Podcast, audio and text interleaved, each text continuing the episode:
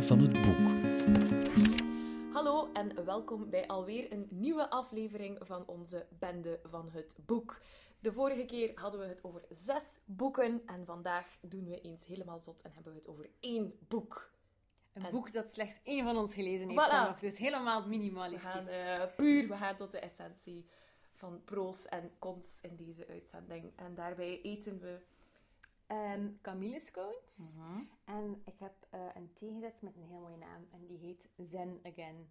Fantastisch. eh, dat, dat zal mijn, mijn eh, anti-liefde voor het boek hopelijk weer in balans brengen. Het boek van vandaag is A Tale of Two Cities van Charles Dickens. Het is een boek dat we gekozen hadden om te lezen met de boekenclub. Maar uiteindelijk eh, is de helft van de boekenclub afgehaakt, omdat ze het echt geen mooi boek vonden. En eh, Sarah, jij bent eh, lid van de afhakende helft. Mhm, Eh, dus vandaag mag jij zeggen waarom je het zo'n kutboek vond. En dan ga ik zeggen waarom dat ik het echt, echt een heel goed boek vond. Oké. Ik heb je wel een klein beetje overtuigd door te tonen dat er prentjes staan in mijn Ja, editie. ja. Ehm, Dat is dus zeker een meerwaarde tegenover mijn. Dit is pas het begin, Sarah. We gaan nog veel verder. Alright. Ehm, misschien eerst een klein beetje over de roman. Ehm, dus het is een historische roman. Dus Charles Dickens heeft die geschreven in de 19e eeuw, maar het gaat eigenlijk over de tweede helft van de 18e eeuw. eh, Franse revolutietijd. Spannend, bloederig, eh, echt voor elk wat wils. Ehm, en Charles Dickens zag dat zelf als zijn, zijn beste werk. Zo. wat. Ehm, wat al veel gezegd is, want Charles schreef echt goede dingen. Mhm. Ik zal anders gewoon een keer een deeltje van mijn nachterflap voorlezen. Ah, doe je maar. Het is al in het Engels, maar ik zal heel traag lezen. Ja. Dus er staat op. Ik knip terwijl van de thee. Ja, doe vooral. Uh, the best story I have ever written was Dickens' own verdict on A Tale of Two Cities, and the reader is unlikely to disagree with this judgment of a story which combines historical fact with the author's unsurpassed genius for poignant tales of human suffering, self-sacrifice and redemption.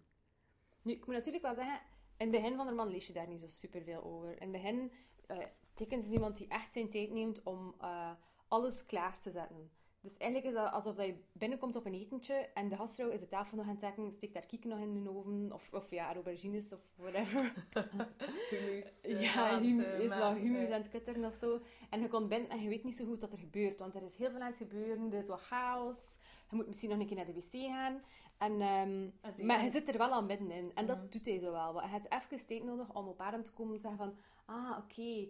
Allee, je moet nog zien van... Dat is hier een voorgerechtje, dat is een hoofdgerecht zijn en dat is een dessert. Mhm. Maar misschien denk hij wel dat je paprika's gaat eten met chocolademousse of zo. En dan zijn je misschien niet zo heel enthousiast. Ja, ik had gewoon te veel honger en dan ben ik Ja, maar weggegaan. inderdaad. En, En dat ik, is eh, wel- Chinees gaan halen Ja. of zo. Ja. En de, eigenlijk moet je bij een ding zeggen van... Ah ja, doe maar voort, ik zal ik hier even de gazet lezen. ja. En dan op duur zie je dan wel van, ah, juist daar is die dat aan het opbouwen, dat gaat die richting uit. En dat is wel iets dat je moet daar zo'n beetje, een beetje geduldig mee zijn. Mhm.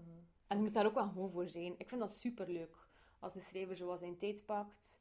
En voor mij mag dat gerust, dan mag een keer 500 pagina's duren. Eh, om- ik vind dat leuk om dan, om dan te zien van, ah ja, daar is hij er al mee begonnen. En dan heeft hij dat helemaal doorgetrokken. Dus gisteren was ik ook nog een keer door mijn, ehm mijn Ja, het gaan in, in, in het boek. Wat ik aangeduid had. En dan las ik sommige dingen in het begin van de roman. Dat ik dacht, amai, heeft daar eigenlijk nog zoveel verder mee gebouwd. Eh, en dat vind ik wel heel leuk. Ehm, maar misschien nog iets meer achtergrond? ja, of misschien meer over het verhaal al een beetje. Ja. Oké, ik ga dat doen. Ik ga eerst nog een keer... ehm, Een beetje zen. zeg ik het? oh, ik zou er echt reclame voor maken. Eh, A Tale of Two Cities is denk ik een roman dat misschien niet iedereen over gehoord heeft, maar die openingszinnen zijn wel echt super iconisch, toch? Maar je weet het misschien niet meer, maar ik zal nog een keer zeggen hoe dat Ja, begint. Maar ik denk wel dat bijna iedereen zoiets heeft van, oeh, ja, dat zegt mij wel iets. Ofwel ben ik daar niet over zijn. It was the best of times, it was the worst of times. It was the age of wisdom, it was the age of foolishness. Ik denk zelfs dat een aflevering van The Simpsons zo begint. dat kan. Ik denk dat, echt, denk dat er eigenlijk al redelijk wat, allee, zo wat mee gedaan is. Ik vind dat ook zo'n super sterke passage, omdat het zo is. Als je die helemaal leest, dat het gaat dan verder. It was a season of light, it was a season of darkness, it was a spring of hope, it was a winter of despair. Je kunt dat, dat is nog altijd super hard van toepassing. Mhm. Want nu er gaan veel dingen super slecht in de wereld, maar als je het objectief bekijkt, gaat er ook heel veel echt goed. Mhm. Maar je ziet dat niet zozeer, omdat die slechte dingen natuurlijk bovenaan het plein. En als je dat zo leest... Ja. We were all going direct to heaven. We were all going direct the other way. Mhm. Omdat ik zo zo. Ehm, Dus dat is het begin van de roman. En dus de roman is onderverdeeld in verschillende boeken. Ik weet nu niet meer precies wat dat die zijn. Maar als ik het verhaal nu even kort schets, dan zie ik zo wat vier delen daarin. Ehm, het hele verhaal begint eigenlijk, en daarom is dat direct al zo verwarrend, want je ziet niet van wie is er hier nu belangrijk in deze passage, met een uh, bankier, uh, Mr. Lorry, die op weg is naar, Eng naar Frankrijk. Dus hij is van Engeland, hij komt uit Londen, hij is op weg naar Parijs. En er komt een boodschapper op hem af. En dat is ook al zo helemaal gezet in de sfeer van de tijd. Mhm. Het is donker, het is aan het regenen. Dat paard raakt in een heuvel niet op, het is in Mhm. een koets. Allee, het is al direct die hele setting van oei, het, gaat, het is daar een beetje mottig, maar het is Engeland. Ehm, dan komt er een eh, koetsier met een boodschap, die een bankier leest dat. En die zegt, ah, zegt tegen hen gewoon, recalled to life. Je weet, je weet niet wat er aan het gebeuren is. Je kunt ook niet direct zeggen van, dat is waar dat, dat op slaat en al. Dus je, je moet like, wel doorlezen om te weten van waar gaat het naartoe. Of net niet. En Of net niet. afgehaakt. Ja, wel. Oké, we zitten nu nog altijd in die koets. En er is nog al... Oké, en dat is de boodschap. Nee, nee. Ja, je zit inderdaad wel even in die koets vast. hè. Dat is echt zo, Eh. je is aan het gewoon aan het opbouwen, je is Mhm. in de sfeer aan het zetten. Mhm. Ja. Eh, maar dus dan, eh, iets later, komt hij dan toe in, ik weet nu niet of het een, een Dover is of in Calais, dat maakt niet zoveel uit. En hij wacht daar op een, een, een jong of een jong meisje, een meisje van 17, die komt dan aan, die is een wees, is denk ik een Franse wees, maar ze is in Engeland opgevoed. En ehm, dan zegt hij tegen haar van, ehm, goed dat je bent, we gaan eigenlijk uw vader gaan halen. Dus wat was er gebeurd? Die vader eh, was gevangen gezet, ik denk in de Bastille, maar ik ben nu niet 100% zeker. Hij was ergens in Parijs gevangen gezet.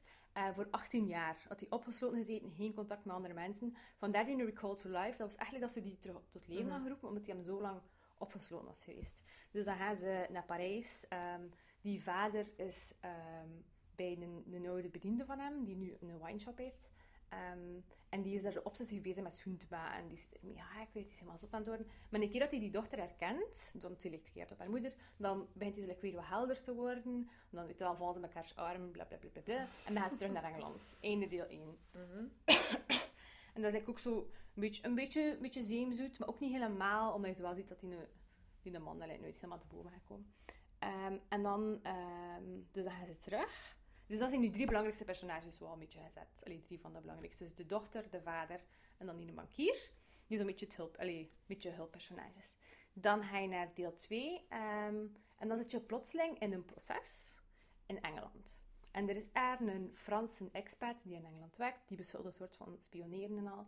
Ehm, en eh, dus de drie mensen van daarnet zitten daar als eh, getuigen. Mhm. Omdat ze die zo'n gesproken hebben op weg terug van Frankrijk naar Engeland. Ehm, maar dan zeggen ze zo'n wat dan verdedigen ze hem, bla bla bla bla. Dan begint die vrouw bijna te wenen, omdat ze dat zo triest vindt van die man. dus dat echt een klein beetje zeem zit. En eh, dan wordt hij vrijgesproken. En dan worden het allemaal een beetje vriendjes. En uiteindelijk wordt die, eh, die man, dus die beschuldigd was, Charles Darnay, eh, wordt dan verliefd op haar. Oh. En dan trouwen ze. Oké. Ja, ja, ja. Allemaal een beetje zeem zit. Maar dus, bijvoorbeeld als die een, die een Charles, we zien dat dan ook. Dus is ook een... Wacht, wie is Charles weer? dit is die dan trouwt met, dat, met Ah, zijn ja, ja, vrouw. Dus eigenlijk het vierde personage, vrij belangrijk. En die gaat dan ook even terug naar Frankrijk. En dan zie je dat hij eigenlijk eh, het neefje is van zo een van die vrij vrede landheren. Want in Frankrijk op dat moment, het is echt nog zot. Feodalisme. Ja, het is echt tot feudalisme, superveel armoede en nul respect voor de werkende mens. Mm.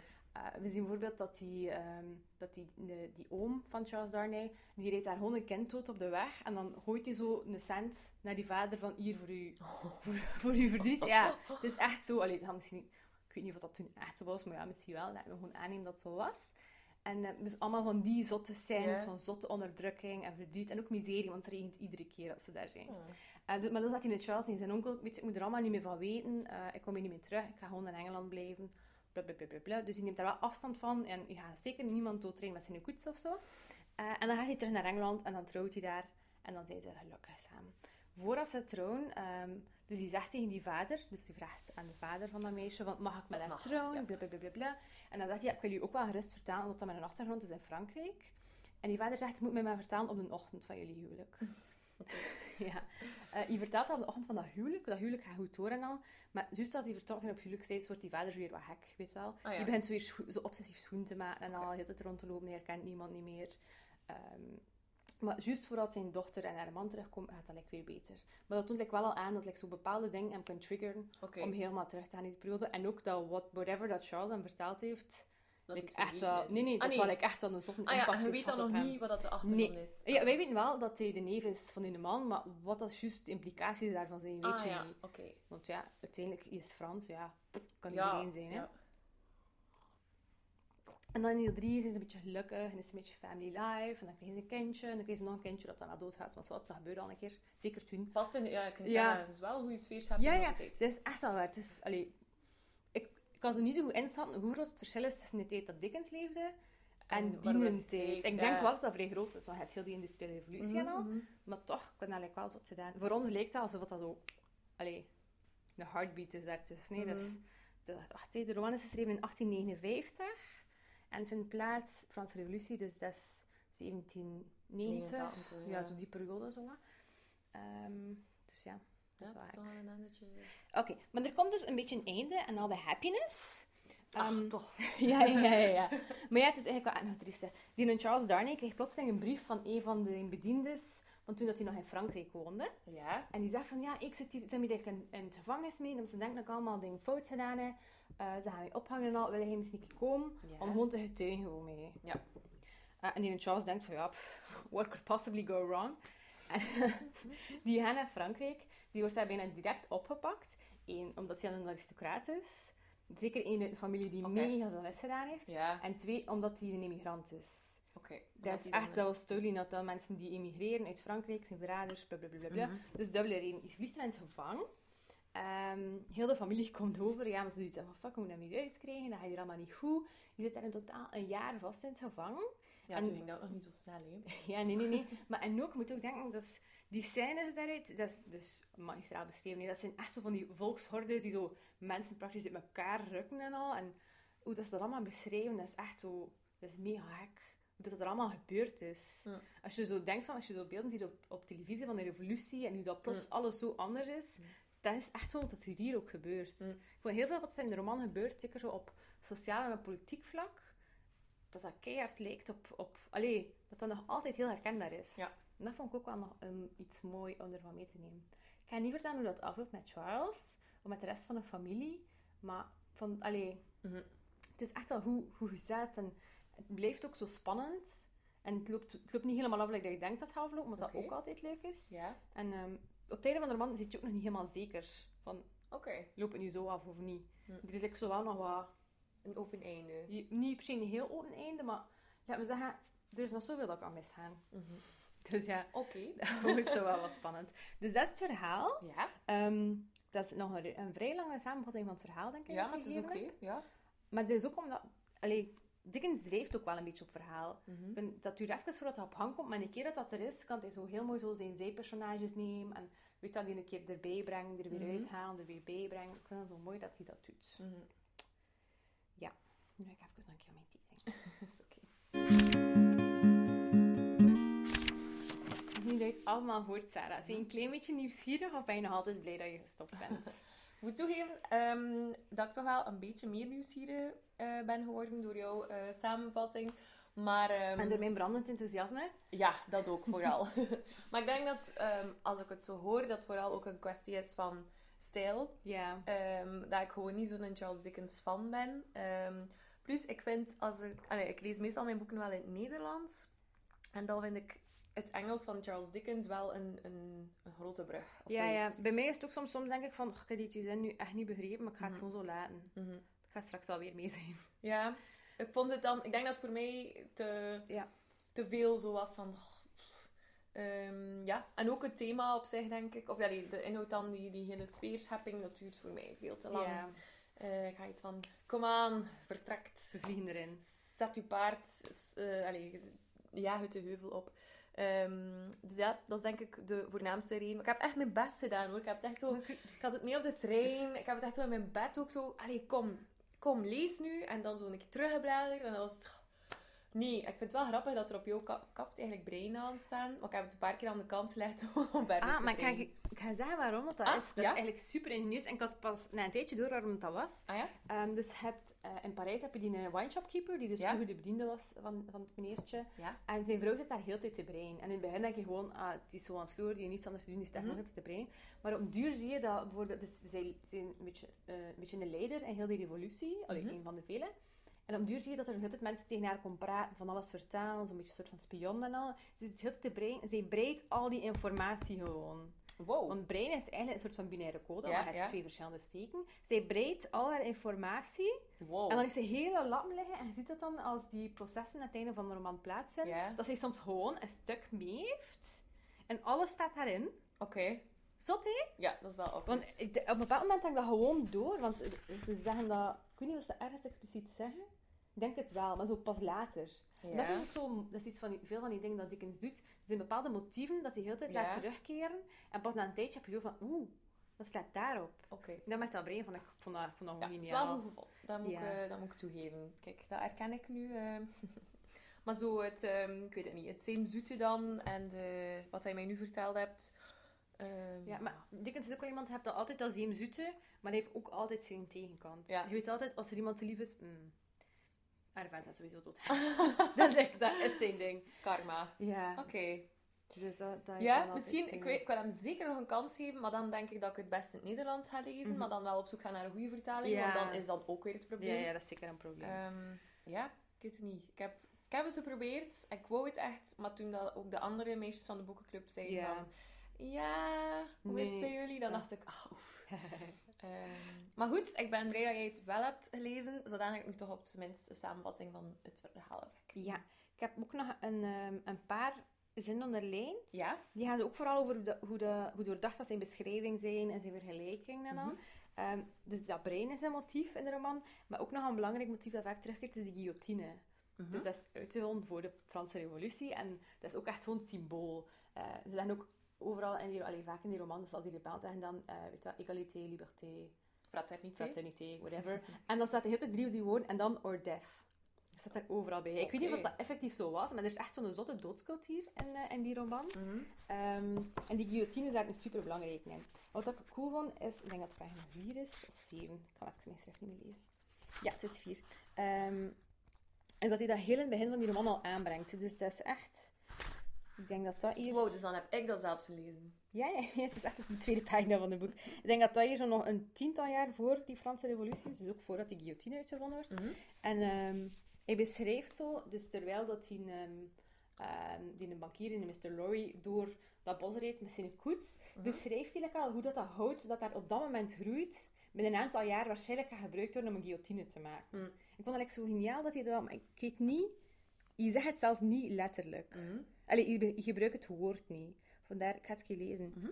It is likely enough that rooted in the woods of France and Norway, there were growing trees when that sufferer was put to death, already marked by the woodman, fate to come down and be sawn into boards to make a certain movable framework with a sack and a knife in it, terrible in history.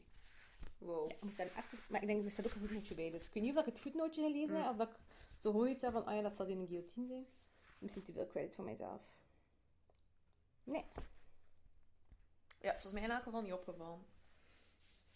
Maar als je het zo zegt en je leest het opnieuw, dan, ja, dan kan ik er wel... ehm, Ja, en dat, dat is zo af en toe een keer zo. Die guillotine, dat is echt zo, dat dat een soort van, van, van kracht is die, zo, en die, die door die geschiedenis zo wat gegeven is. Ik vind dat super gek. Hier staat ook nog een keer op pagina 233, heb ik het ook aangeduid.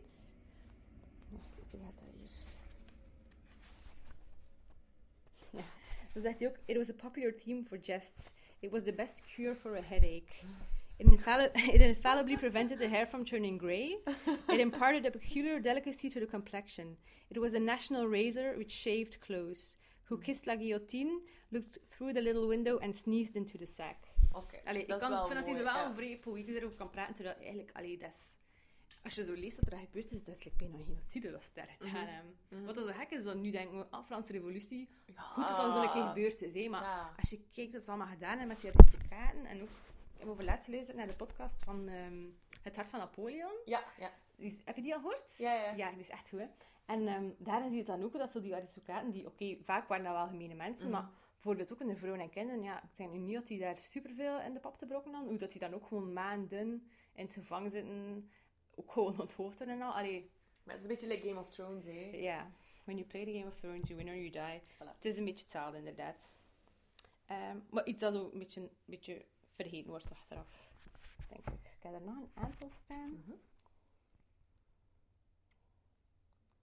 Mm. Dan heb ik op pagina 11 gewoon een beetje een filosofische. Ja. A wonderful fact to reflect upon that every human creature is constituted to be that profound secret and mystery to every other. A solemn consideration when I enter a great city at night that every one of those darkly clustered houses encloses its own secret, that every room and every one of them encloses its own secret, that every beating heart in the hundreds of thousands of breasts there is, in some of its imaginings, a secret to the heart nearest it. Oké, ik moet het even laten doordringen. Ik denk onze luisteraar ook. Ja. Maar het is wel heel mooi le- Ik voorgelezen. heb echt vriend mijn best gedaan. Ja. Oké. Ja, dus dat, is- dat vind ik dan zo... Ik vind dat hij dat gewoon echt allemaal mooi kan, kan zetten. Ik heb niet zo heel veel aangeduid, want ehm, Ja, ik had, boek... wel, ik had verwacht dat er veel meer Ah, wel, easy-woordjes gingen zijn. Ik weet het niet, mijn potlood lag niet naast mij op mijn nachtkastje. dus dan dacht ik iedereen, ik ga het de volgende keer wel aanduiden. En dan heb ik het niet gedaan. Oké, het is dus oké. Ja. Ah, had jij trouwens al andere boeken gelezen van Charles Dickens? Ja, ehm, ik had al één ander boek gelezen van hem, dat is Bleak House. Ja. Dat is duizend pagina's, dus ik ben heel blij dat ik u dat niet heb aangedaan. Ja, aan mij. Dan kan ik nog stoppen na 27 pagina's. Ja, en dat is echt, dat is echt, dat is, ja, dat is natuurlijk niet een honderdste roman. Er zijn nog veel meer zijpersonages. En dat is ook wel een boek, ik denk dat hij daar er zeker 100 pagina's over doet om alles neer te zetten, van wat er allemaal gebeurt. Mhm. Ehm, maar ik, kan, ga niet meer helemaal zeggen waarover dat gaat. Maar dat hoeft niet. Maar, Mijn ehm, vraag was gewoon of dat je al Dickens Ah, ja. gelezen hebt. ik dacht, dat is hier ook een impliciete vraag naar de inhoud van die roman. Eh, ja, ik heb dus al eentje gelezen, ja. Ja. Dat, is zo de, dat was een van de jaarlijkse dikke klassiekers dat ik gelezen Ah ja, oké. Dus, eh, maar ik vond dat ook wel heel mooi. Maar het is wel echt iets waar je voor moet zijn, denk ik. Mhm. Wat ik ook apprecieer is, ehm het zo die vier allee, grote personages die Mhm. zoveel terugkomen. Maar daarnaast heb je ook een tragische held. Een Ik tragische... ben echt de sucker voor de tragische held. Eh, dus de tragische held hier is Sidney Carton, heet hij. En die, ehm, dat is een soort van advocaat, maar je zegt geen advocaat voor hemzelf. Je werkt zo'n beetje voor iemand anders. Terwijl eigenlijk, als je het zo ziet wat hij allemaal doet, is hij echt de intelligente man. Hij is veel slimmer dan de man waarvoor dat hij werkt. Maar hij is er eigenlijk zo van overtuigd van zo de slechtheid van zijn eigen. Oei. Dus ja, en daardoor gaat hij zo heel tijd op de lappen en drinkt hij veel. En je is ook verliefd op, op het meisje. Ah, maar ja, maar ja, die doet het... ja, ze gaat trouwen met Charles en ze ziet Charles graag. En, al. je, je probeert eigenlijk ook zelfs niet echt. Je zegt zo niet van, ja, ik zie je graag, zie jij mij ook graag. Hey, hey, please, please. Ja. Dus ik totaal van, ja, weet je, eigenlijk, ja, eigenlijk zie ik je eigenlijk ook wat doodgraag. Maar ja, dat gaat niet, hè. Oké. Daar komt het wel Ah, ja. op neer. Ik heb ook nog een... ehm, Pessimistisch zelfbeeld. ja, zo. maar ja, het is, ik, kan ik weet niet zo goed wat mensen daaraan geraken, maar dat, dat bestaat blijkbaar. Mhm. Ik heb ook nog een, een super triestig quoteje. Ja. Begint zo. Sadly, sadly, the sun rose. It rose upon no sadder sight than a man of good abilities and good emotions, incapable of their directed exercise, incapable of his own help and his own happiness, sensible of the blight on him and resigning himself to eat it, uh, to let it eat him away.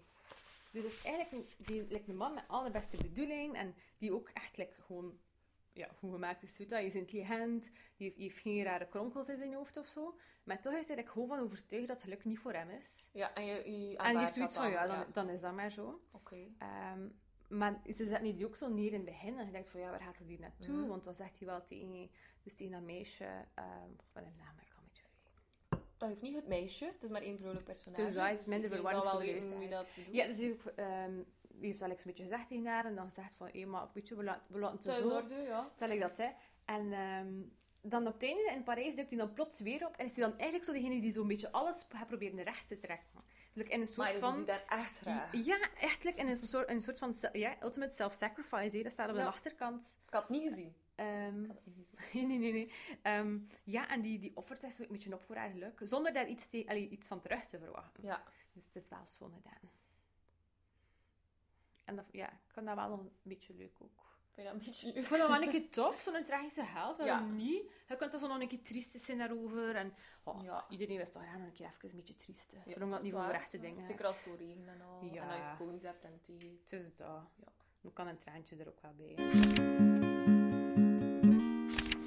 Voilà, we hebben onze mening gespuit over Charles Dickens. Als jullie een andere mening hebben, of aansluit bij mijn visie of bij Trace haar visie. Of denken, hoe, amai, nu ben ik zo geprikkeld en nu vraag ik mij zo af of ik een lover of een hater ben. Mhm. Lees gewoon vooral iets van Charles Dickens. Of niet.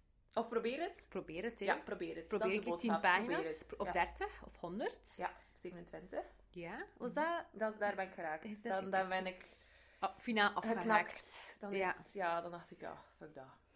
Soms moet je gewoon een keer denken, fuck dat. Ja. Fuck dat is Maar het doet toch een beetje pijn. Ja, Een boek niet kunnen uitlezen is zo een beetje falen in je leven, eigenlijk. ik heb nog nooit een boek niet Ja, uitgelezen. ik wist het, ik wist het, ik wist het. Sorry. het is, het is, eh, het is, het is oké. Maar ik kan, ik kan mij wel inbeelden hoe dat voelt. Ja? Ik heb bijvoorbeeld al vaak begin sporten en dan gewoon plots gestopt. Ah ja, oké. Dus ik, ik beeld me in dat het hetzelfde voelt. Ja? Ja? Oké. Ja. Oké, nu, nu, nu doe je mij weer wat beter voelen. Dank je, Dat, dat was het concept.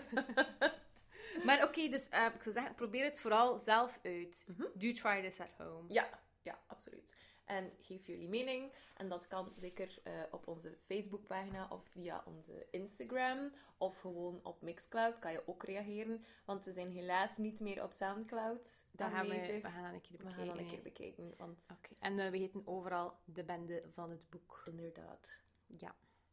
En dan bedanken we nog eh, onze gewone rijtje van mannen. Dat zijn Jasper, Michiel en Joffra.